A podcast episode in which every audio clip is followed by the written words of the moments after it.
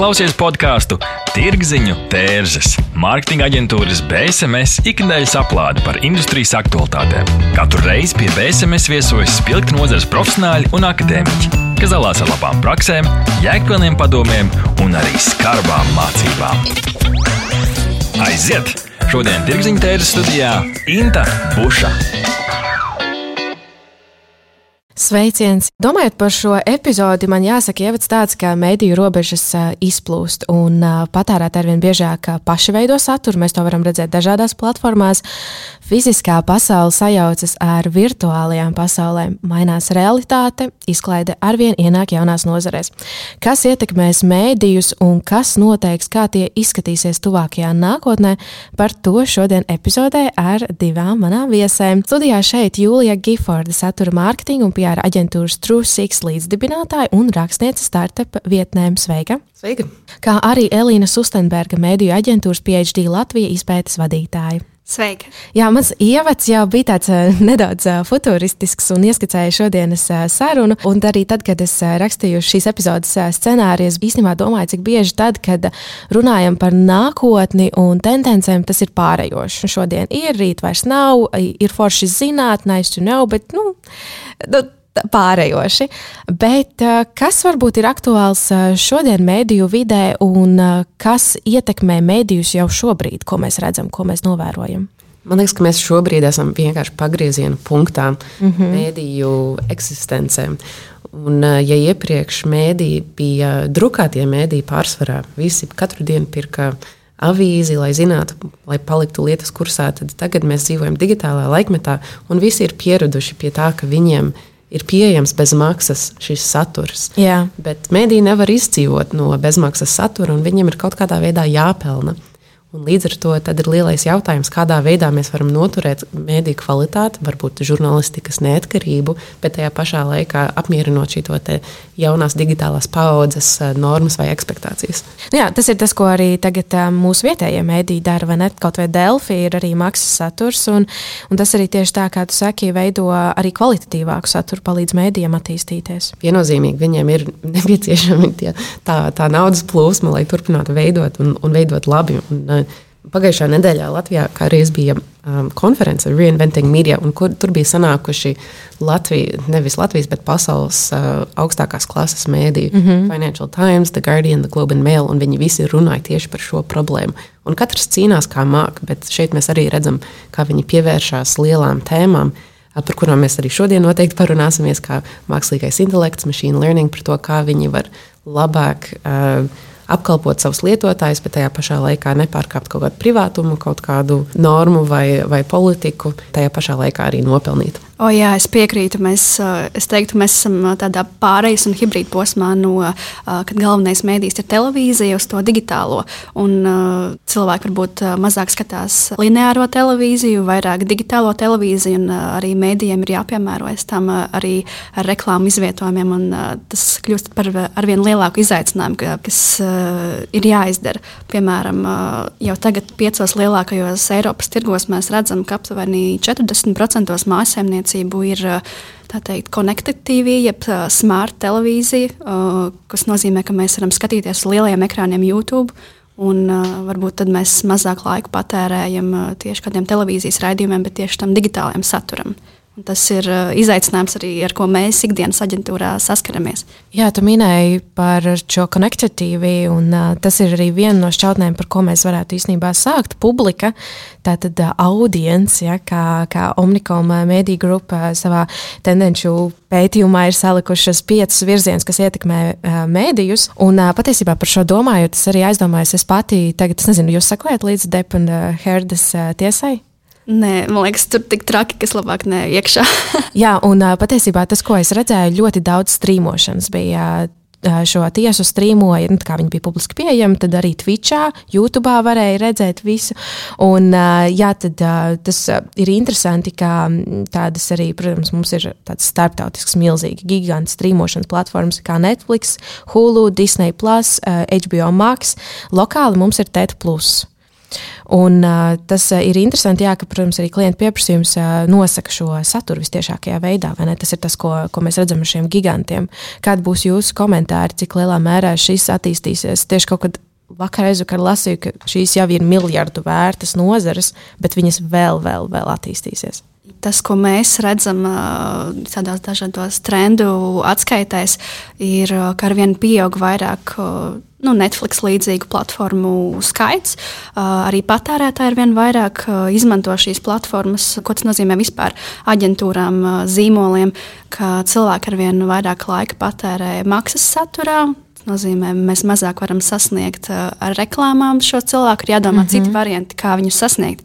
Uh, bet arī svarīgs aspekts, mēs nedrīkstam iejaukties viņu brīvajā laikā, ir jārāda atbilstošs saturs. Jā, tas ir interesanti. Un īsnībā pārējot pie, pie mēdījiem, mēs jautājam ar Norstat palīdzību, vai cilvēki uzticās mēdījiem un kā viņi uzticas, respektīvi, vietējai komunikācijai, vietējiem mēdījiem, lokālajiem un ārzemju mēdījiem, vai tur ir atšķirības.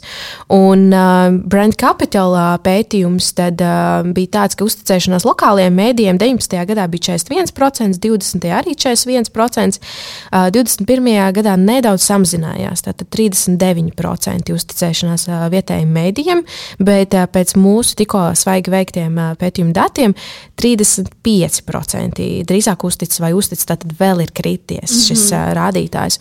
Un kas ir interesanti, līdzīga tendence ir arī ar ārzemju mēdījiem. Tātad 19. gadā 37%, tas pats 20.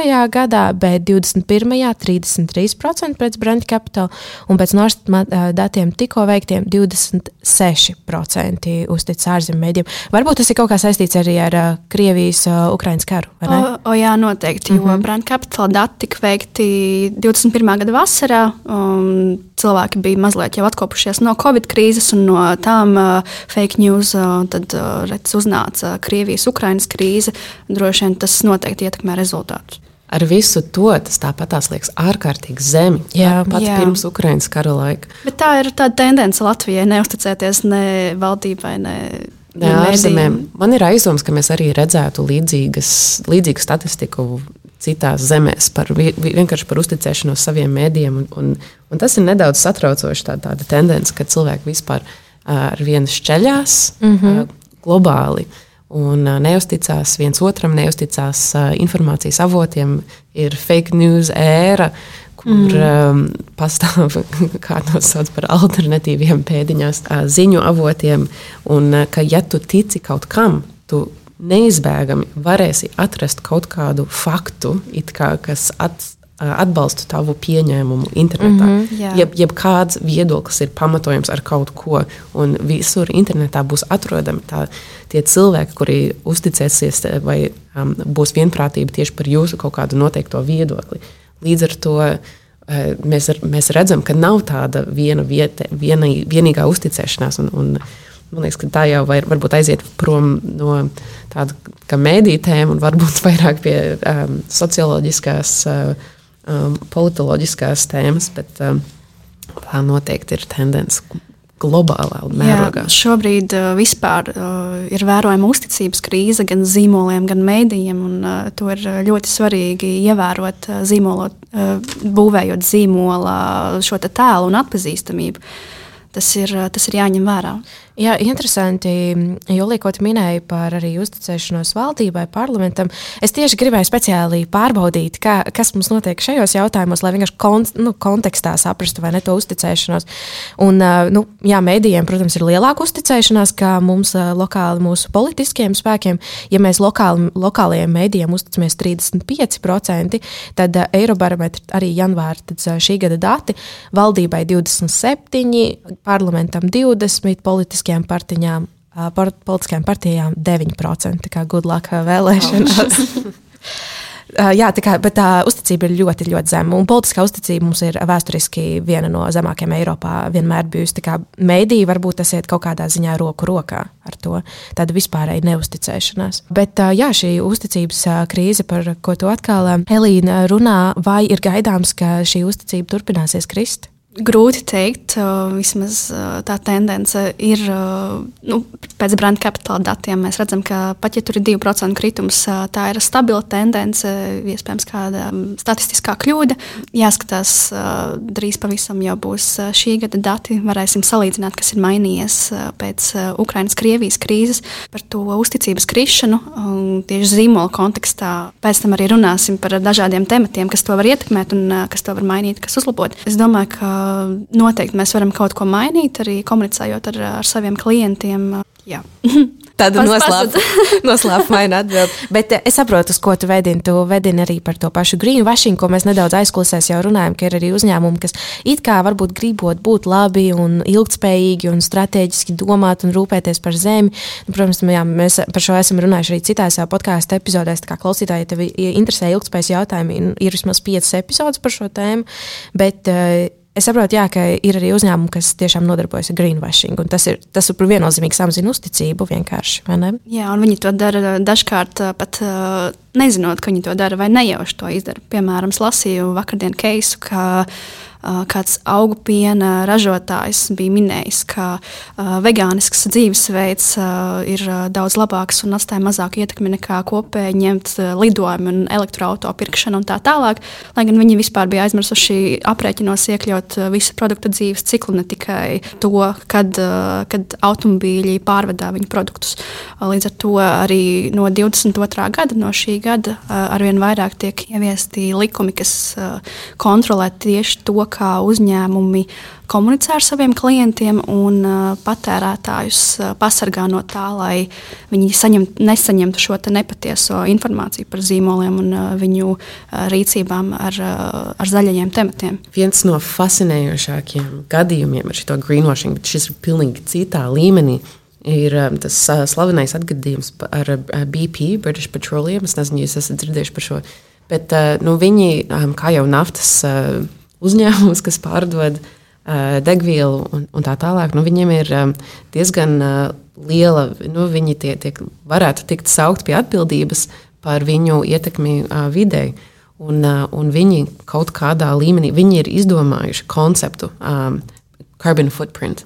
Un tādējādi uzliekot vainu un atbildību patērētājiem lai patērētājs domā par savu carbon footprint.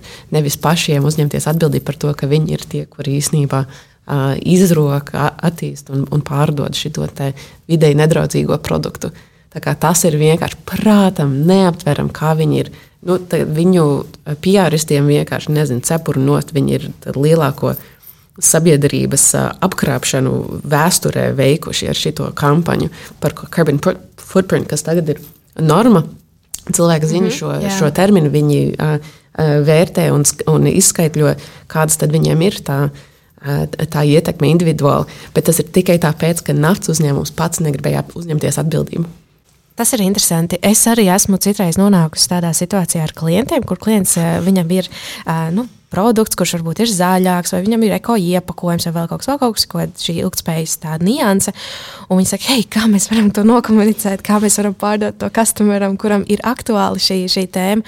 Un tā problēma, manuprāt, ir tas, ka pie šī jautājuma nevis nāk uh, ilgspējas attīstības vadītājs, bet nāk mārketinga eksperts. Nu, tā, tā problēma jau ir saknē, jo, protams, mārketinga ekspertam ir pilnīgi citi mērķi. Jā, pie, te, pie šī temata man uh, jāuzsver, ka no patērētājiem mēs redzam, ka viņi vairs nu, nesagaida par kaut ko īpašu, ka uzņēmums komunicēs šos te zaļos tematus. Viņi uzskata to par pašsaprotamu, bet viņi sagaida to komunikāciju tādā, tādā veidā, ka uzņēmums spēs pārliecinoši to komunicēt un uh, spēs to komunicēt atbilstoši savām vērtībām.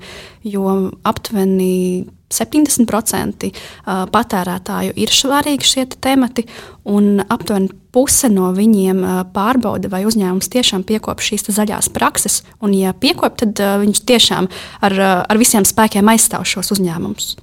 Mm, tas ir ļoti skaista statistika. Cerams, ka tā arī dzīvē ir. Cerams. Viens ir ko cilvēks saka, otrs ir kā viņi rīkojas. Jā, jā. Uh, es vakardien lasīju ļoti interesantu par, par šiem ilgspējas jautājumiem, kā ir Francijā. Uh, Francijā izrādes ir Eiropā stingrākais uh, regulējums attiecībā uz mēdīju ietekmi uz vidi, uh, jo viņiem tas ir uh, laikam tāds big issue vispār ar newspapers, kā viņi patērē ļoti daudz drukātos mēdījus arī, un uh, viņiem ir vairāk uh, politikā iestrādāts vairākas nianses, kā viņi praktiski rīkojas. Tad pirmais ir, ja ir greenwashing draudi vai kaut kādi vides apdraudējums un ne, nepatiesa informācija par šo, ko mēs arī tagad runājam, tad viņiem ir pienākums ziņot organizācijai, kas nodarbojas nu, mums kā reklāmas asociācijai. Tad viņiem ir arī, protams, ir vesels apmācību kurs un reklāmas un preses pārstāvjiem ir vēlams iziet vides jautājumu tādu apmācību arī ciklu. Un interesanti, ka viņiem ir arī īpašs apbalvojums tām reklāmas kampaņām, kas izceļ vidas dimensiju un dara to nu, atbilstošā manierē. Tā kā Francija ļoti nopietni šo ir arī tādā policija manierē paņēmusi un uh, ieviesusi konkrētas darbības, ko tad arī reklāmas un mārketinga cilvēkiem darīt. Vai jūs redzat, ka Tas ir kaut kas tāds, par ko mums arī Latvijā vajadzētu domāt. Es redzu, ka mūsu klientiem ļoti interesē šie temati, un arī mēs vienmēr dodam, dodam tādu mūsu ieskatu par to, kā viņu klienti reaģē uz, temat, uz šiem tematiem. Es teiktu, ka mēs vēl esam varbūt tādos nedaudz bērnu autiņos salīdzinot ar Franciju. Noteikti mums ir, ko, ir no kā mācīties, bet es domāju, ka tā noteikti būs nākotne. Tīpaši, ja Eiropas regulas tiek ieviestas, tā, tā noteikti ir mūsu nākotne arī Latvijā. Par to ir jādomā jau tagad, jo to jau nevar ieviest tik ātri. Jā, jā šādi, šādi procesi vispār prasa ļoti ilgu laiku. Tad uh, vēl, ja mēs runājam par tādiem makro līmeņa jautājumiem, kas ietekmē medijus. Ko jūs vēl šeit pieliktu klāt arī par uh, patērētāju izvēlēm, par to, kā mēs pieņemam lēmumus, par jēgpilnību, par uh, trendiem? Elīna? Es teiktu, ka šobrīd par tādiem makro trendiem svarīgs ir attention economy, jo ir ierīču un platformu vairāk kā jebkad. Mūsu uzmanība arvien vairāk ir sadrumstalota, un ir vēl viena krīze, kas ir jārisina, un arvien vairāk ir grūtāk zīmoliem sasniegt savu auditoriju. Tas ir viens no tādiem makro trendiem. Protams, brenda awareness ir svarīgāks kā jebkad šī zīmola atpazīstamība. Tieši atceroties, kā Covid, krī, Covid laikā un pandēmijas laikā mēs negājām uz veikaliem, mēs pasūtījām produktus no veikaliem un no tādiem tipiskajām vietām, kur cilvēks saskarās ar dažādiem produktu iepakojumiem, ar logo un redz, kā izskatās tas zīmols realitātē. Tas sāk aizmirsties un tas arī izkrīt no patērētāja top of mind izvēles. Dažādi produkti, kuri nereklamējas nestandarta mārketinga kanālos. Jo Līvai tev ir ko pielikt šeit klāt? Nē, izklausās ļoti labi. okay, uh, mēs varētu iet uh, tālāk, uh, vēl paturpināt nedaudz par patērētāju un tad pāriet pie tehnoloģijām, bet tagad mēs dodamies nelielā reklāmas pauzē. Uh, paliec klausītāji ar mums!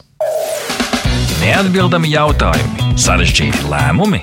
Sazinies ar Norstat. Mēs palīdzēsim. Norstat. Tas ir draudzīgs servis, innovatīvi risinājumi un kvalitatīvi dati, lai tu varētu pieņemt veiksmīgus, datos balstītus lēmumus. Pievienojies vairāk nekā simts Latvijas uzņēmumiem, kas uzticas vadošajam datorisinājumu nodrošinātājam Ziemeļeiropā. Mūsu mērķis ir atvieglot tavu dzīvi un ļaut pieņemt pareizus lēmumus. Norstat - vērtīgi dati svarīgiem lēmumiem. www.norstat LV BSMS - tas ir zīmola pārdošanas un mārketinga atbalsts, stratēģijas, satura un menedžmenta pieredze kopš 1999. gada. BSMS nodrošina radošas, tradicionālas un digitālās pārdošanas veicināšanas kampaņas un konsultācijas. Apmeklē mūsu mājaslapu www.bsmslv un uzzini vairāk! Nedaudz vēl paturpinot par patērētāju, es īstenībā gribu parunāt par to, ka citreiz ir tādas situācijas, un es vakardien domāju, vai ir kaut kādas mums lokāli Latvijā bijušas tādas nu, arī kliedzošas situācijas, un laikam jau ir kaut vai ar kinderolu nesen, bet jā, tas spēks mēdījiem, ziņām, kā tas nonāk un kā citkārt var sacelt milzīgu rezonanci. Un es uzraku 96. gada nu, ļoti vecu case study, kurš izrādās ir ļoti populārs. Lielbritānijā bija tāda situācija, kad valdība paziņoja, ka ir cilvēku smadzeņu slimībai potenciāla saikne ar trakās govs slimību. Angliski jūs varat iegūt mad cow disease. Un cilvēki vienkārši, protams, pārstāja pirkt lielo pagaļu veikalos masveidā. Tur viss mainījās, importa, eksporta stratēģijas un, vispār šie posmi. Un, jā, tad būtiski pieauga patēriņš pēc citiem gaļas veidiem. Un tas vienkārši tik vienai ziņai mēdījos ir milzīga ietekme uz mūsu patērētāju paradumiem. Mēs to nevaram noliegt. It kā tas ir, protams, mēs saprotam, ļoti reasonable, loģiska darbība, ko darīt, veikt kaut kādu darbību vai pārstāt. Bet jā, tās situācijas viennozīmīgi ir bijušas bijušas dažādas. Kā jūs komentētu jā, šo apzinīgs patērētājs un cik svarīgi ir patiesībā šādas mēdīju ziņas un lai viņas ir atbildīgas? Jo šī ziņa nebija īsti pārbaudīta. Viņa vēlāk tika nedaudz apgāzta, tur nu, bija ļoti pārspīlēts tas paziņojums. Un arī, nu, es domāju, lokāli mums ir bijušas tādas situācijas, kur kaut kas mēdījos tiek paziņots, Viņš nav īsti apdomīgs paziņojums bijis, bet viņam ir būtiska, milzīga ietekme. Tā var būt uz ekonomiku, uz visu valsti. Varbūt. Šeit ir tik milzīga loma žurnālistikas eh, etiķetei. Un, uh, man liekas, ka, ka tā ir. Tā, tas norāda uz eh, žurnālistikas prof, profesionalitāti un attiecīgā žurnālistu un redaktora arī, kas pieņem. Um, mēs uh, mūsu uzņēmumā Čūseks strādājam ikdienā ar lieliem mēdiem. Un, uh, Mana kolēģe nesen bija uzrakstījusi rakstu, kas tika publicēts Business Insider. Viņš vēl nav iznācis, bet runa bija par vienu cilvēku, kas ir mainījis savu darba vietu. Un, tad, nu, tad bija vesels interesants stāsts par to. Ļoti iesaku jums viņu izlasīt, tad, kad viņš būs iznācis. Bet, uh, tie redaktori prasīja redzēt konta izrakstus, lai pārbaudītu, vai šis cilvēks tiešām ir strādājis attiecīgajā uzņēmumā, ko viņš mm. ir stājis. Tā tā, viņi ļoti nopietni uztver šo faktu checkingu. Un, uh, un tad man liekas, ka tas ir.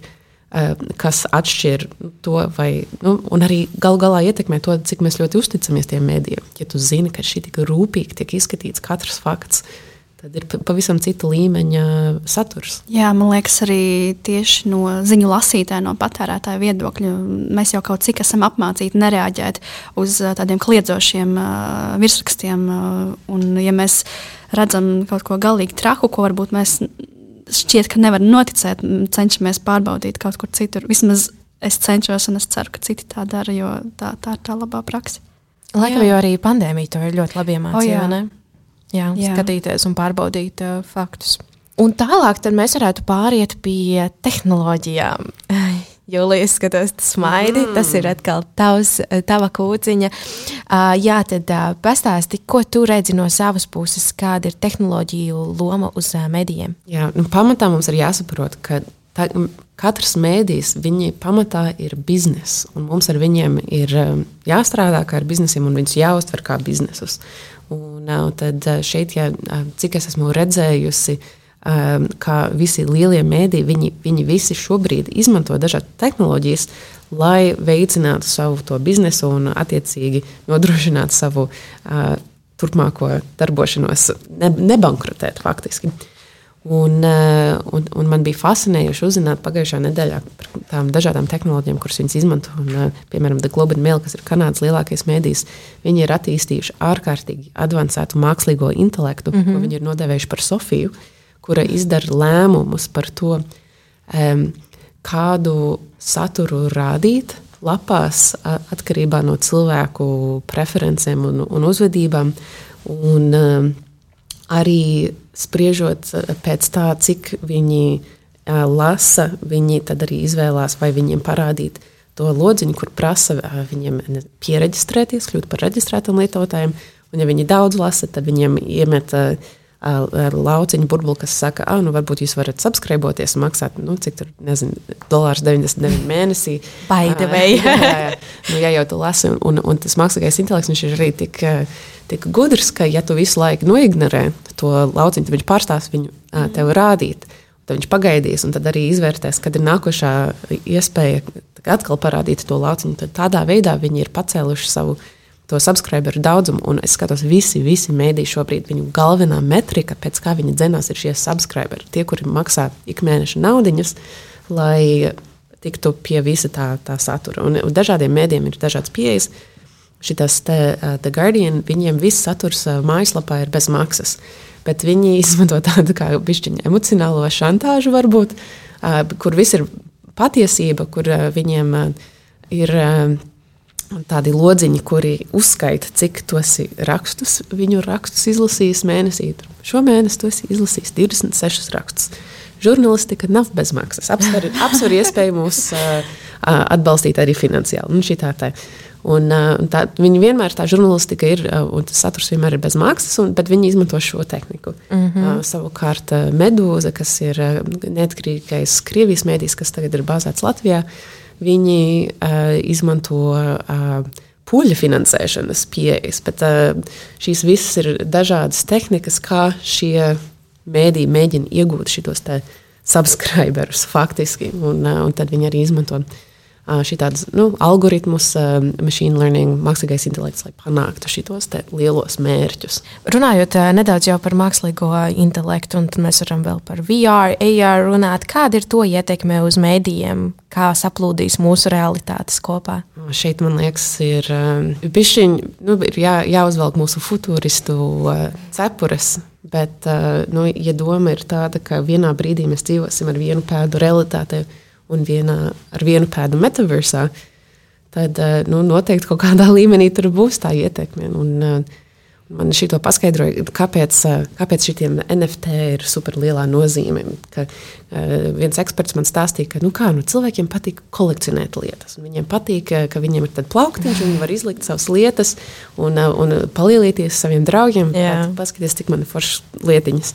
Un, un, ja viņi pērk tos NFT, tad viņiem ir nepieciešama vieta, kur izrādīt savas tās kolekcijas. Un tā vieta būs tas metaverse. Tad šīs abas lietas nevar eksistēt viens bez otra.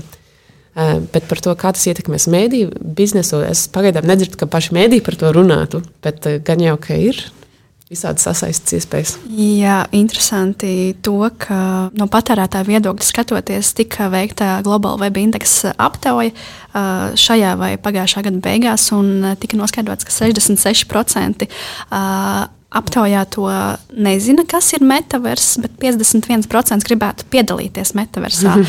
Un uh, arī klausījos PhD uh, globālo podkāstu, kur uh, globālo produktu attīstības vadītājs minēja, ka tas joprojām ir liels jautājums un ir svarīgi uh, saprast, ka cilvēkiem interesē, bet svarīgi arī priekš pašiem mēdījiem un zīmoliem saprast, uh, ko uh, mēs gribam panākt ar metaversu un saprast, kā, kā tas attīstīsies.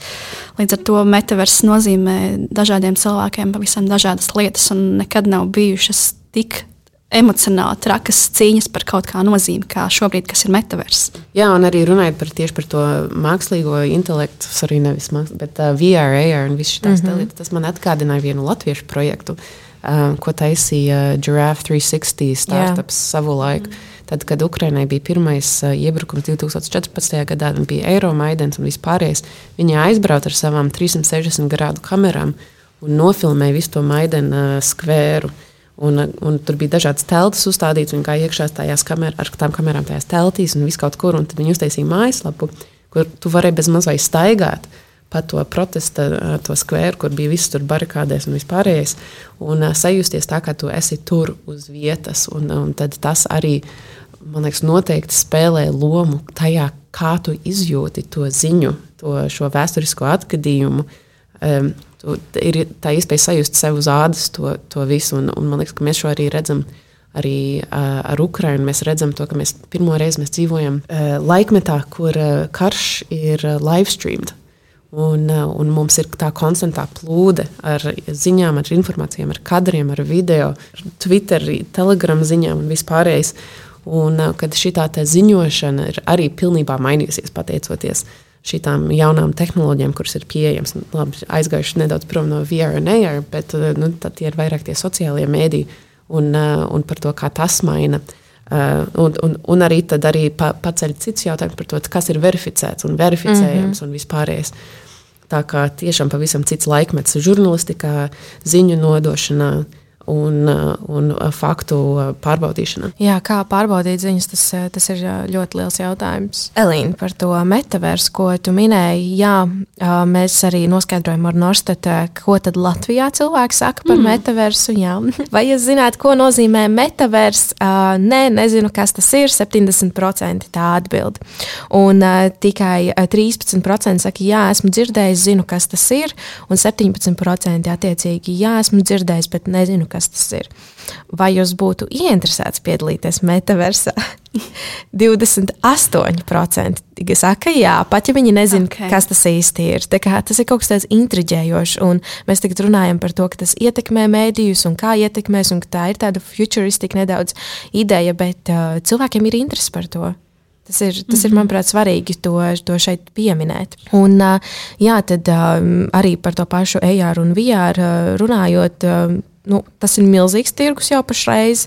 Uh, skatījos uh, dažādus uh, pētījumu datus, uh, kur uh, nu, atšķiras nedaudz tie cipari, bet principā visi prognozē, ka tas tirgus tuvākajos gados palielināsies uh, vēl entās reizes, tā kā viņš vēl un vēl pieaugs. Un, uh, protams, ka mēs saprotam, ka šīs tehnoloģijas, gan metaverse, gan AR, VR, AI, viņas mums palīdz veidot tādu personalizētu, individualizētu pieeju Tātad pielāgot mums speciāli ziņas, atrast, kas mūs interesē. Kaut kur lasīju tagad arī, ka, ja kādreiz bija tā, ka tu pasaki, nu, arī tagad mēs, piemēram, Spotify vai, vai varam pateikt, Sīrija, hei, tur uzliec to mūziku vai vēl kaut ko, tad nākotnē automātiski iekāpjot mašīnā, viņš zinās, vai tu gribi, lai tev spēlē mūziku, un, ja jā, kādu. Tas izklausās ļoti futuristiski, vai ne? Jā. Es nezinu, vai es gribu, lai, lai dators zina labāk nekā es. Jā, bet personalizācija ir arī ļoti liels temats, kas ir svarīgs. Un tas jau īpaši svarīgs ir jauniešiem, piemēram, saistībā mm -hmm. ar datu dalīšanos. Mēs saprotam to nozīmi. Un jaunieši īpaši uzsver, ka viņi gribētu dalīties ar saviem datiem tieši tādēļ, ka viņi dabūs kaut kādu ieguvumu no tā. Piemēram, ja kāds uzņēmums dos datus citam uzņēmumam, viņi jutīs to personalizāciju.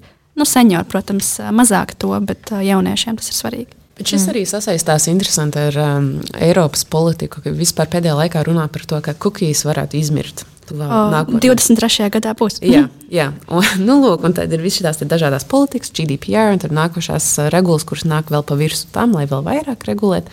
Visu noved pie tā, ka uh, nebūs vairs uh, šis third party data. Nu, tur, kur uzņēmumi krāj tavus nu, nezinu, interneta paradumus un pārdot citām um, vietnēm, lai varētu pirkt uh, reklāmas. Nu, Google, Facebook, vienalga, kur tas būtu.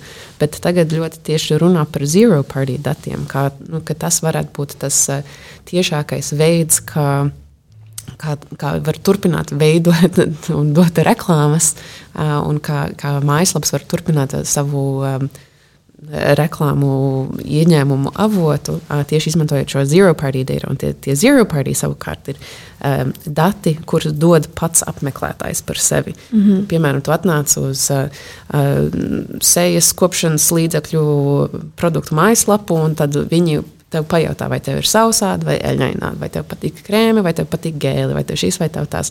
Un tad viņi var izmantot šos datus, lai pēc tam nu, tieši tā dot personalizāciju. Un, bet tajā pašā laikā viņi iegūst informāciju par tevi. Mm -hmm. un, tad, un tad viņi var um, sūtīt un piedāvāt kaut kādus tos piedāvājumus, kas uh, ir visvairāk atbilstoši tieši tavām vēlmēm.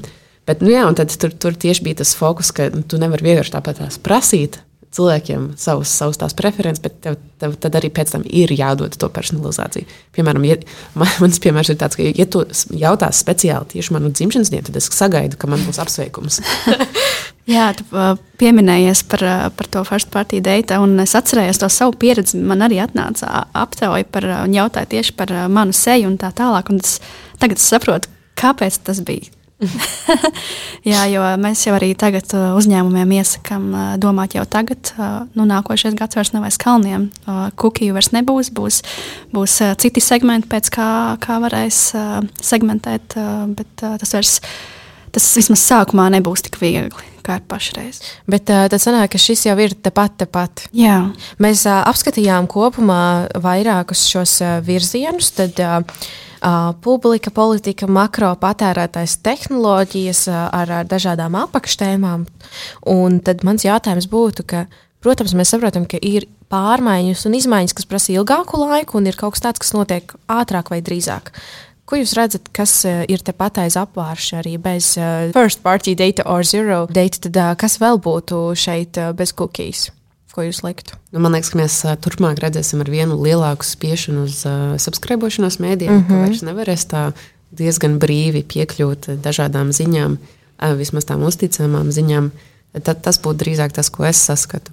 No mūsu puses, no aģentūras puses, ko mēs jau klientiem šobrīd testējam, ir kā sasaistīt online vidi ar offline vidi un kā reklāmas parādīt uh, no online un offline. Un kā Piemēram, ja tu, tu lieto vairākus ekrānus vienlaicīgi un, piemēram, neredz to televīzijas Jā. Reklāmu, kā, kā sasaistīt tā, lai tev arī pēc kāda brīža tel telefonā parādās tā reklāma. Jā, tas, tas ir tas, pie kā mēs strādājam tieši, lai, lai novērstu to uh, patērētā uzmanības sadrumstalotību un kā viņu aizvest no fiziskām vietām caur, uh, caur reklāmām uh, online. Jā, un tas sasaucas ļoti labi ar ko es pašu, pašā sākumā minēju, ne, ka izzūd šīs robežas starp mēdījiem, izzūd arī starp realitātēm robežas. Jā, tad uh, jau tuvojoties epizodes noslēgumam, kas būtu tas tie ceļavārdi, ko jūs vēlētos mūsu klausītājiem teikt, vai, vai tāds novēlējums vai apkopojums no šīs epizodes? Es novēlētu tiem, kuri, kuri varbūt ir tādā lomā, ka viņi sadarbojās ar mēdīju vai nu, kaut kādā veidoja kaut kādas biznesa partnerības, tad par mēdiem domāt tieši kā par biznesu, kā jebkuru citu. Un tad, un tad vienmēr domāt, kas ir tas labums, ko tu vari viņiem dot, kā, var, kā tas varētu palīdzēt viņu auditorijai. Uh, vai kā viņam noturēt relevanci. Tad, man liekas, tas būtu tas īstais ceļš uz veiksmīgu sadarbību ar mēdiem. Es teiktu, neignorēt uh, šīs inovācijas un jaunumus, kas tepat vien ir, jo pārmaiņas, uh, gluži kā Covid ietekmēja, tās notiks straujāk, jebkā, jebkā agrāk. Un pat ja domājot, ka redz, tas metavers varbūt tas ir tai pārējai Eiropas daļai un citiem kontinentiem, un ka mēs te Latvijā gan jau kaut kā tiksim galā ar televīziju un ar, ar, ar kādu internetu portālu, tas, tas arī mūs ietekmēs pavisam noteikti. Jā, neatkarīgi vai tu klausītāji esi mēdīju eksperts, zīmola vadītājs vai satura patērētājs noteikti ir vērts padomāt par to, kā šie aspekti tevi arī personīgā līmenī ietekmēs. Un tie, kas saprot, tieši tā kā Elīna, tu saki, ka šīs pārmaiņas var pārveidot tirgu un pavērt jaunas iespējas, tie noteikti iegūs konkurētspējas priekšrocības atkal par to, ko tu runāji, Jūlija. Un savukārt, jā, tie, kas sēž tradicionālajos biznesa procesos un medijos un tempos, pēc tam centīsies panākt pārējos. Paldies! Es teikšu abām epizodēm epizodes viesiem. Pie manis studijā bija Julija Giforda, satura mārketinga un PR aģentūras TrueSix līdzdibinātāja, rakstniece startup vietnēm, kā arī Elīna Sustenberga mediju aģentūras PhD Latvijas izpētes vadītāja. Paldies jums! Paldies! Paldies, ka klausījāties BSMS podkāstu Tirziņu tērzes. Aplādi ar labām praktiskām, jēgpilniem padomiem un skarbām mācībām. Patika epizode? Dalies sociālajos medijos, ir idejas tēmām vai viesiem? Raksti mums! Tās bija tirgziņa tērzes. Tiekamies nākamnedēļ!